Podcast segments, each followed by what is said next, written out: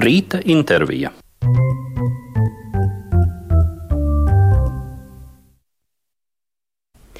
Diriģents Normons Šnēra, klasikas sestdienas programmas atspēra viesis, un mēs runāsim gan par simfonētu Rīga un sezonas noslēgumu, bet atspērsimies no ziņas, kuru mēs esam saņēmuši pagājušajā nedēļā un tapuši dikti priecīgi, jo profesionālie kolektīvi ir apvienojušies un dibinājuši Latvijas profesionālo mūzikas kolektīvu asociāciju. Un te ir gan mūzikas akadēmija, gan Kremerata Baltika, visi trīs Latvijas koncertu kolektīvi, gan simfonēta Rīga, radio koris, Big Bands, Latvijas Nacionālais simfoniskais orķestris, Latvijas Nacionālā opera, Liepais simfoniskais orķestris un Valsts akadēmiskais koris Latvija.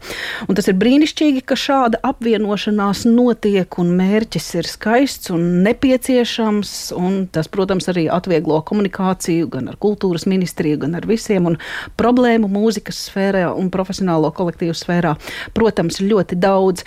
Bet eh, šajā Viļņa strautiņa teiktajā domā 2005. gadā izskanēja izskanēja šīs viņa bažas par to, ka kā jauniem mūziķiem būt, vai cik ir iespējas šeit um, Latvijā strādāt, kāda ir iespēja viņu izglītību realizēt pilnesinīgi.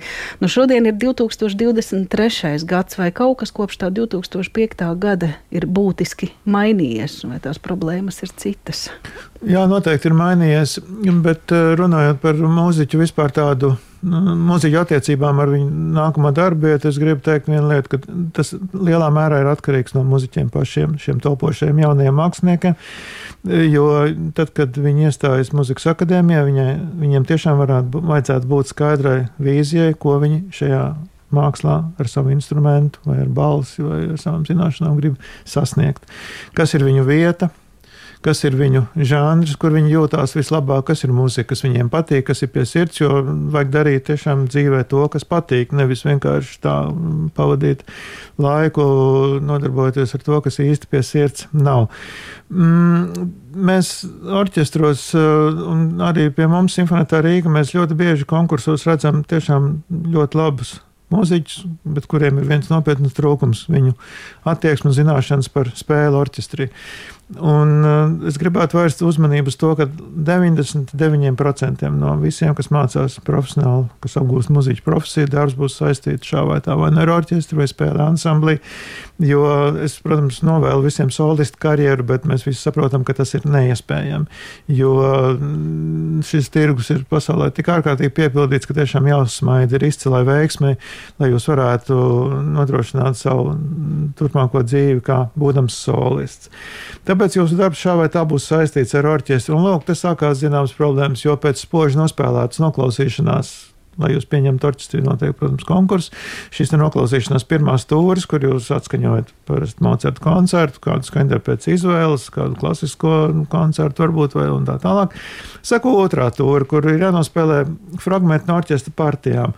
Un lūk, ar šo brīdi parasti, diemžēl man jāsaka parasti, iespējas tiek sabojāts, jo nes kāpēc jaunie muziķi uzskata, ka šīs orķestra partijas ir kaut kāds tāds otrās pakāpes, eh, jeb vēl zemāk nozīmes mm, materiāls, bet īstenībā priekš mums tas ir pats galvenais, jo tas norādīs to, kādu uzmanību jūs pievēršat detaļām, kas ir rakstītas notīs, kā jūs orientējaties vismaz elementārā veidā komponistu stilistikā, muzikas valodā, eh, kā jūs pārvaldat tik vienkārši lietas kā ritmu un dinamiku. Atsakot visu to, kas ir uzrakstīts notīs, bet eh, ļoti bieži, ļoti pārāk bieži mēs, diemžēl, to nedzirdam, un tāpēc šie jaunie cilvēki mm, iespējams piedzīvo savu pirmo vilšanos, kad viņš šo konkursu neiztur un netiek cauri otrajai kārtai. Cik bieži ir kadru maiņa simfonieta Rīga vai jaunas asinis ieplūst regulāri? Nu, tas nav tā prognozējams. Tas ir faktiski saistīts ar to, uh, Vai nu kāds muzeķis izlēma beigt savas aktīvās darba gaitas pēc tiešām godam nostrādātiem gadiem, vai arī kādam ir radušās citas intereses. Tāpēc tas nav tāds prognozējums process. Īstenībā mēs tāpat kā droši vien citos orķestros esam atkarīgi lielā mērā no mūsu muzeķu interesēm, no viņu patikas spēlēt pie mums. Tā arī šīs vietas reizēm atbrīvojas, reizēm ilgu laiku nē.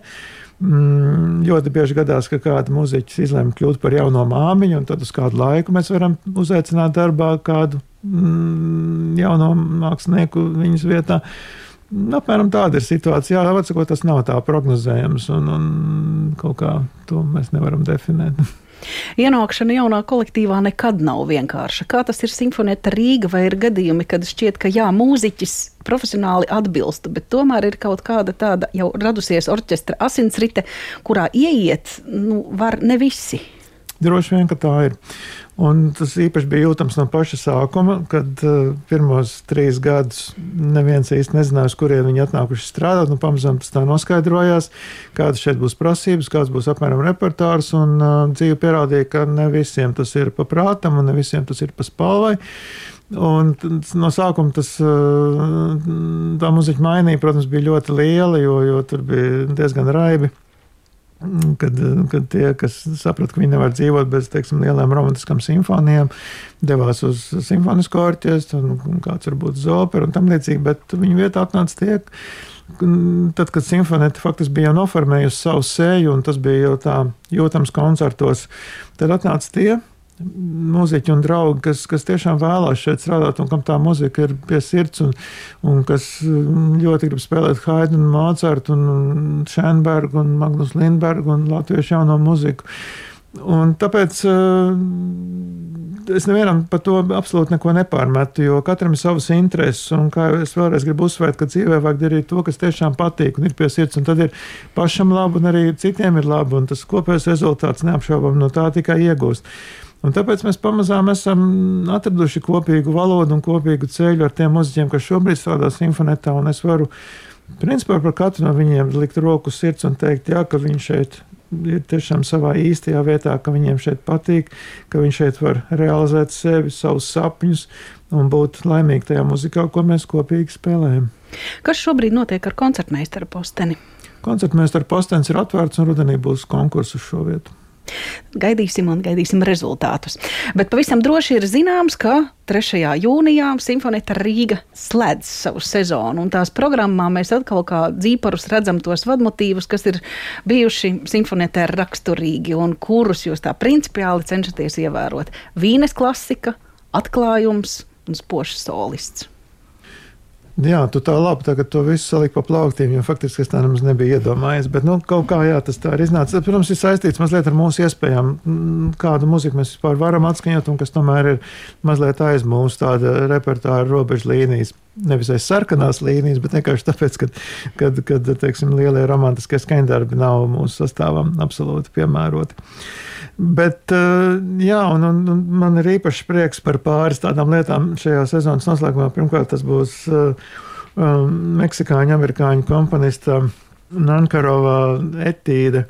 Nu, par šo mēs varam sarīkot veselu raidījumu par viņu un par viņa muzikas valodu un par šo vispār neparasto cilvēku. Bet uh, es tikai varu pateikt īsos vārdos, ka tas ir aranžējums no skaņdarba, kas ir oriģināli rakstīts mehāniskām klavierēm, kas faktiski bija viņa instruments. Uh, Un līdz ar to patiesībā šeit ir lietas, kas ir uz robežas, ko es nezinu, vai dzīves cilvēks vispār var nospēlēt. Mm, bet uh, tas bija viņa mērķis faktiski varbūt mazliet paskatīties pāri šai muzikai, kas pārsniedz cilvēku tādas tīri fiziskās iespējas ātruma ziņā. Pirmkārt, ritmiskās komplicētības ziņā, otrkārt, un šeit es vēl kaut kādas paralēlas ar Džordžu Ligatīvu, bez šābām, kurš tiem, kur teica, ka viņa muzika nav nospēlējama, teica, bet jūs tomēr pamēģiniet. Un jā, izrādās, ka, ja tā labi pamēģina, tad tas tiešām ir iespējams. Un otra lieta šajā koncertā, otrs tāds tiešām moments, kas man sagādā patiesu prieku, ir tas, ka pie mums atgriežas Beisots Abdurīmovs, brīnišķīgs pianists Ziniet, daudz pianisti ir dzirdēti man pie kreisās auss spēlējot kopā, bet uh, viņa spēle kaut kas tāds tiešām pārsteidzošs. Nu, tiešām ir, ir mūsdienās ir, ir tik daudz lielisku pianistu, bet tāda muziķa, kuriem ir saprašanās tāda bez vārdiem un momentā, un viņa tā krāsu paleta, kur šķiet uz klavierēm var nospēlēt jebko un jebkuru repertuāru. Viņš jūtās tiešām kā zivs ūdenī, Bethovenā, Prokofjevā, mm, gan klasiskajā muzikā, gan lielajos romantiskajos koncertos un vēl un vēl un vēl. Protams, viņa fenomenālā tehnika un viņa apgriezieni ir vienkārši fantastiski vispār, kā viņš, viņa, viņa tempi un, un viņa tāda reakcija uz lietām un viņa muzikas izpratne. Tāpēc es ar tiešām ar prieku un nepacietību gaidu šo mūsu tikšanos. Un viņš spēlēs par Kofjevu otro koncertu, kas, nu, neteiksim, ir vienmēr tāds lielākais mm, izvēles mm, skaņdarbs pianistiem, jo tam ir ļoti, ļoti augstas tehniskas virtuozas prasības. Bet kā ir ar šī darba partitūru, vai tas nav paredzēts lielam orķestrim? Nu, Prokofjevs, protams, tur neuzrāda precīzi sastāvu un tā tālāk, un vienmēr tas ir tāda drusku tāds pārdomu brīdis, lai, lai izsvērtu, vai tas, tas skanēs ar mums. Bet es domāju, ka otrais koncerts, jā, viņš, viņš, viņš varbūt ir ar mazāku sastāvu, un mēs mazliet palielinām savus spēkus šādo, šādā repertuārā. Un, lai tas tomēr, lai vienkārši lai stīga grupa sabalansētu orķestru ar četriem mežģiem un trīs tromboniem, kuri gan jāteic šajā darbā ir izmantoti ļoti gaumīgi un nepārmēru, tikai tādās īpašās vietās, kur viņi veido tādus harmoniskus vai spēcīgus akcentus. Tāpēc es domāju, ka, šis darbs ir absolūti piemērots mūsu spēkiem. Un tev pie šī darba ir arī atgriešanās. Savulaik tu to spēlēji vēl kopā ar Juriju Žvikovu. O, jā, mēs ar Jūru vispār kādreiz jaunības trakumā izspēlējām diezgan daudz uh, neparastas muzikas tiem laikiem, kas bija jauna priekš mums, un mums, mums ļoti interesē viņā iedziļināties. Un, un redzēt, ko mēs ar to varam izdarīt uz skatuves. Mm, es esmu Jūr, Jūrim tiešām pateicīgs ne tikai par šiem solo priekšnesumiem, bet arī par to, ka viņš bija ilgu laiku neatņemama taustiņa instrumentu dvēsele Rīgas kameras mūzijos, un faktiski bez viņa piedalīšanās vairāki darbi nebūtu iespējami, kā piemēram Pjēra Bulēza derīva lielam ansamblim un Un, un vēl, un vēl, tad visus nemaz nevar uzskaitīt, kur, kur viņa fantastiskā tehnika un izpratne mūsdienu muzikā vienkārši bija neatņemama Rīgas kameras mūziķu sastāvdaļa. Kā ir šobrīd vēl vērt vaļā atkal šo partitūru un vispār šobrīd Prokofjeva mūziku, kā, kā uz to skaties? Prokofjevs man ir bijis šķiet no bērnu dienām viens no vis, vis, vis tuvākajiem komponistiem vispār. Uh, Mana māte studēja Pēterburgas konservatorijā, jo viņa neuzņēma Rīgā sakarā ar to, ka viņas tēvs bija sūtīts uz Sibīriju, un latvieši, protams, nobijās un, un teica, nē, nē, nē. Bet Ļeņģeradā, uh, toreizējā, tagadējā Sanktpēterburgā, viņa uzņēma bez problēmām, un viņa ļoti daudz man, mazam būdamam, stāstīja un rādīja par krievu muzikas kultūru. Un Prokofjevs bija viens no tiem, kur kolosāli interesantā biogrāfija un šī izaicinošā muzika, kas man kā mazam bērnam toreiz kaut kur ļoti aizķērās un šķita tāda ļoti krāsaina un valdzinoša jau toreiz. Tas ir, ziniet, bērnības iespēja saglabājas visu mūžu. Mēs tos nevaram izdzēst nekādā veidā. Un es tiešām nebaidos no šī vārda. Es mīlu par kofiju mūziku. Un, jā, tas būs droši vien uz visu atlikušo dzīvi. Bet šis koncerts ir ļoti atšķirīgs no pirmā koncerta. Tā ir no, cita pasaule. Jā, no pirmā noteikti. Bet eh, es domāju, ka otrais koncerts ir tieši par kofiju tāda robežu pārbaude, cik tālu vispār var iet uz klavierēm savā radošajās izpausmēs. Jo, protams, viņš to rakstīja priekš sevis, priekš savu fenomenālā pianismu. Un tāpēc tur ir klavieru partijā nevis divas rindiņas, bet trīs vietām. Un šīs izvērstās kadences, kur vienkārši klavierēs viss vārās un mutuļo. Tā ir kolosāla iedvesma un aizrautība. Uzrakstīta partitūra, to var redzēt jau viņu neklausoties, bet pārlapojot šīs lapus. Un, protams, tad, kad mēs dzirdam šo muziku izcilā interpretācijā, tas ir vienkārši kaut kāds vulkāns, kur šis jaunais Pēterburgas mūziķis toreiz droši vien izraisot pamatīgu furoru sev riņķī mm, uzrakstīja un arī atskaņoja. Beidzot, Abdurīmovs 3. jūnijā spēlēs Prokofjeva otro, bet man tomēr vēl gribas atgriezties pie Konlona Nankarova, jo šis vārds ir, mēs viņu diemžēl pārāk reti redzam koncertzāļu afišās, un viņa, viņa stāsts par viņa dzīvi un viņa mūzika ir patiešām tā vērta, lai tajā mazliet iedziļinātos. Un, um, ieskatam, mēs kādu mirklīti varam paklausīties, kā tad skan šī mūzika mehāniskajām klavierēm, kāds ir tas pirmsākums. Nu, šī gan nebūs tā etīde, kuru atskaņos Simfonēta Rīga pārlikumā, bet šī būs mm, etīde, jeb studija, kā viņu sauc, numur 45. Kā tad skan šis instruments, kuram Nenkarovs rakstīja?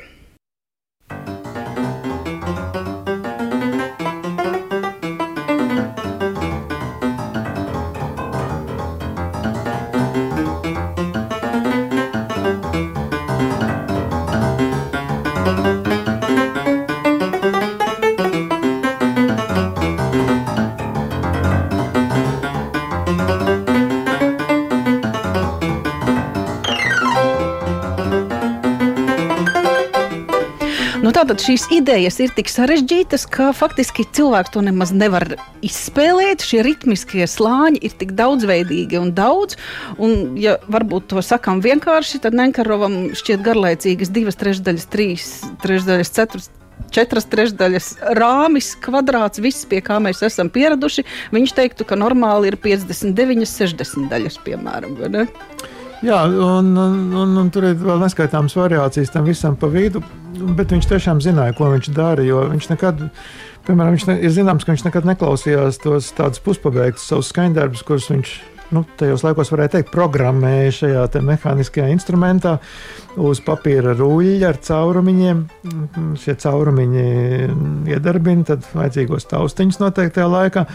Un sakarā ar to, ka toreiz nebija elektroniskie sekvenceri un datori muzikā, tad šis bija faktiski vienīgais veids, kā realizēt tādas patiešām neprātīgas un cilvēkam neizspēlējamas idejas. Viņa šī kompleksitāte ir uz papīra izstāstīta īstenībā ļoti saprotama un vienkārši klausoties. Protams, tas ir fenomenāli. Un tā etīda, kuru mēs spēlēsim, viņi tā pamazām uzvelk klausītāju, kad visi šie slāņi beigās tur sāks kodā satikties. Kad vienkārši es vēl vakar to noklausījos, man tiešām sanāca histēriski smiekli par to, ka tas ir tik aizrautīgi un tik ārkārtīgi nu, neiespējami varbūt normālam cilvēkam, teiksim, vienam pianistam. Droši vien tas tiešām nav izspēlējams. Bet uh, bija Amerikā vēl viens ļoti izcils pianists Aivars Mihašovs kurš uh, izveidoja pārlikumus daudzām no šīm etīdēm, ansamblim, tādam vai citam sastāvam. Viņš acīm redzot, dzirdēja orķestrāli šos darbus. Un šie pārlikumi, manuprāt, ir ļoti veiksmīgi. Viņi ir ārkārtīgi krāsaini. Tur tiešām šī mm, instrumentālā paleta ir izmantota ārkārtīgi prasmīgi un visā savā spožumā. Un līdz ar to šie darbi kļūst nospēlējami reālā dzīvē, uz skatuves koncertā, kur tiem tomēr būtu varbūt arī pelnījuši skanēt. Varbūt kādreiz piedzims kāds ģēnijs, kas būs, varēs nospēlēt uz taustiņu instrumentu šos darbus. Es nezinu.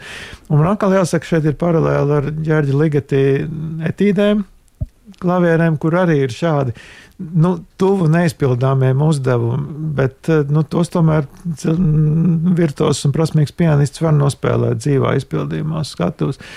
Nankarovs, tāpat kā Ligati, starp citu, ir ļoti daudz iedvesmojušies no, no, no džēza mūzikas, no šiem uh, brīvajiem ritmiem, no bebopa, no, no visiem tiem eksperimentiem, kas noritēja tajā pasaulē viņiem līdzās patiesībā tajā laikā.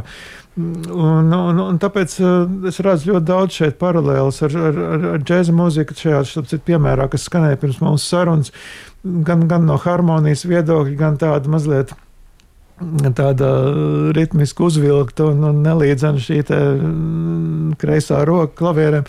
Bet patiesībā tas ir tāds, tāds, tāds mazliet histērisks blūzs, varbūt savā pamatā, un kuram virsū ir pilnīgi tāda brīva improvizācija. Katrā ziņā mēs varam uzlūkot to muziku šādā veidā. Nu, mēs varam mazliet paklausīties, kā tad skan viena no viņa etīdēm, nu, tādā ansambļa versijā, ko spēlē Bengone Ken. thank you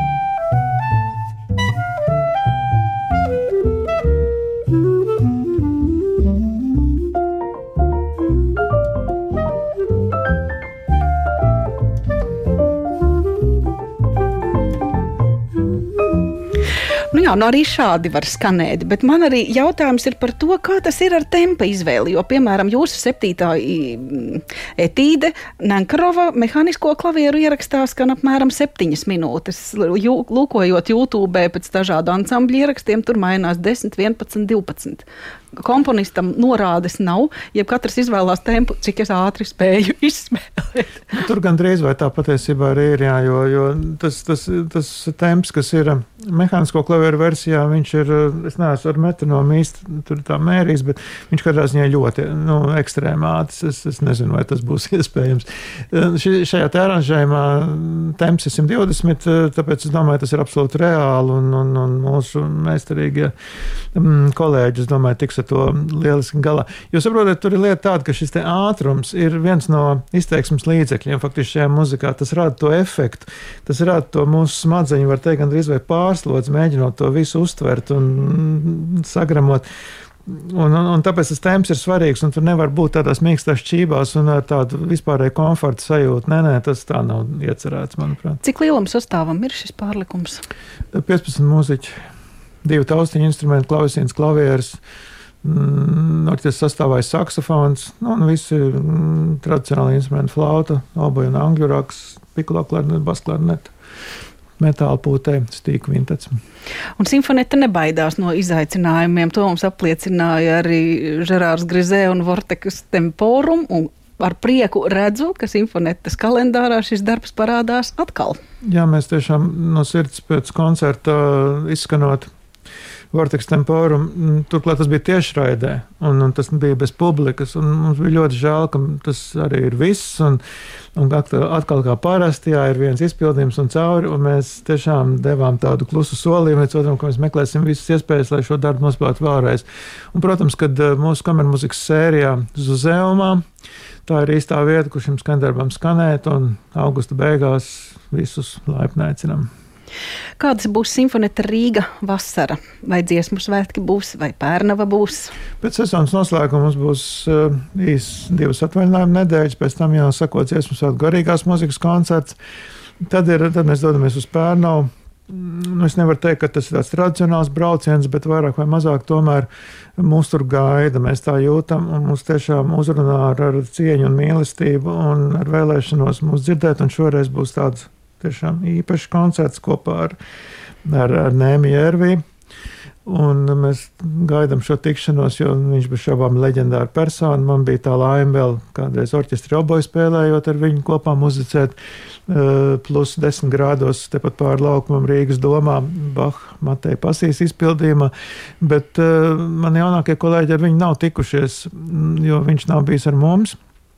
Bet mēs tiešām tāpēc gaidām šo jūliju otro nedēļu pērnavā. Pēc tam būs senās mūzikas festivāls un vēl viena, divas brīvas nedēļas. Un tad jau sāksies augusts ar kameru mūzikas uz Zēlumā. Mums tur vēl viens kārtīgs ierakstu process stāv mm, priekšā, un, un, un vēl viens tāds projekts, par kuru es nedrīkstu runāt. Un tad jau būs klāta arī sezonas atklāšanas. Un var pačukstēt, ar ko atklāsiet jauno sezonu? Jā, tas, tas nav noslēpums. Mēs atklāsim kopā ar Kseniju Sidorovu, ar viņai speciāli rakstītu darbu. Un, kam arī sakos, starp citu, ieraksts, jo Ksenijai doma par, par, par jaunu disku. Uh, Un, un tāpēc jā, šis koncerts ir saistīts ar šo te arī ierakstu projektu. Un, un pēc tam sekos kameras mūzikas festivāls, bet man ir iepriekš jāatvainojas, ka es tiešām nevaru šobrīd izpausties par mūsu nākamo sezonu, jo principā mūsu situācija šobrīd ir ārkārtīgi slidena. Finansiālā ziņā es gribētu pat teikt, kā nekad. Un tāpēc mēs nevaram daudz runāt par pasākumiem, kur nav skaidrs, vai viņi vispār notiks. Faktiski tas ir tā pirmo reizi mūsu pastāvēšanas vēsturē, kad eh, ir divi koncerti, kas ir uz robežas, kad mums viņš varbūt nāksies atcelt. Tā kopumā skatoties, situācija katru gadu paliek sliktāka. Un mūsu tāda aicinājuma pārskatīt šo visu budžetu ir līdz šim rezultējušies ar nulles atsaucību no mūsu vadošajām institūcijām. Tāpēc es negribu mētāties ar akmeņiem, bet atklāti runājot, fakts ir fakts.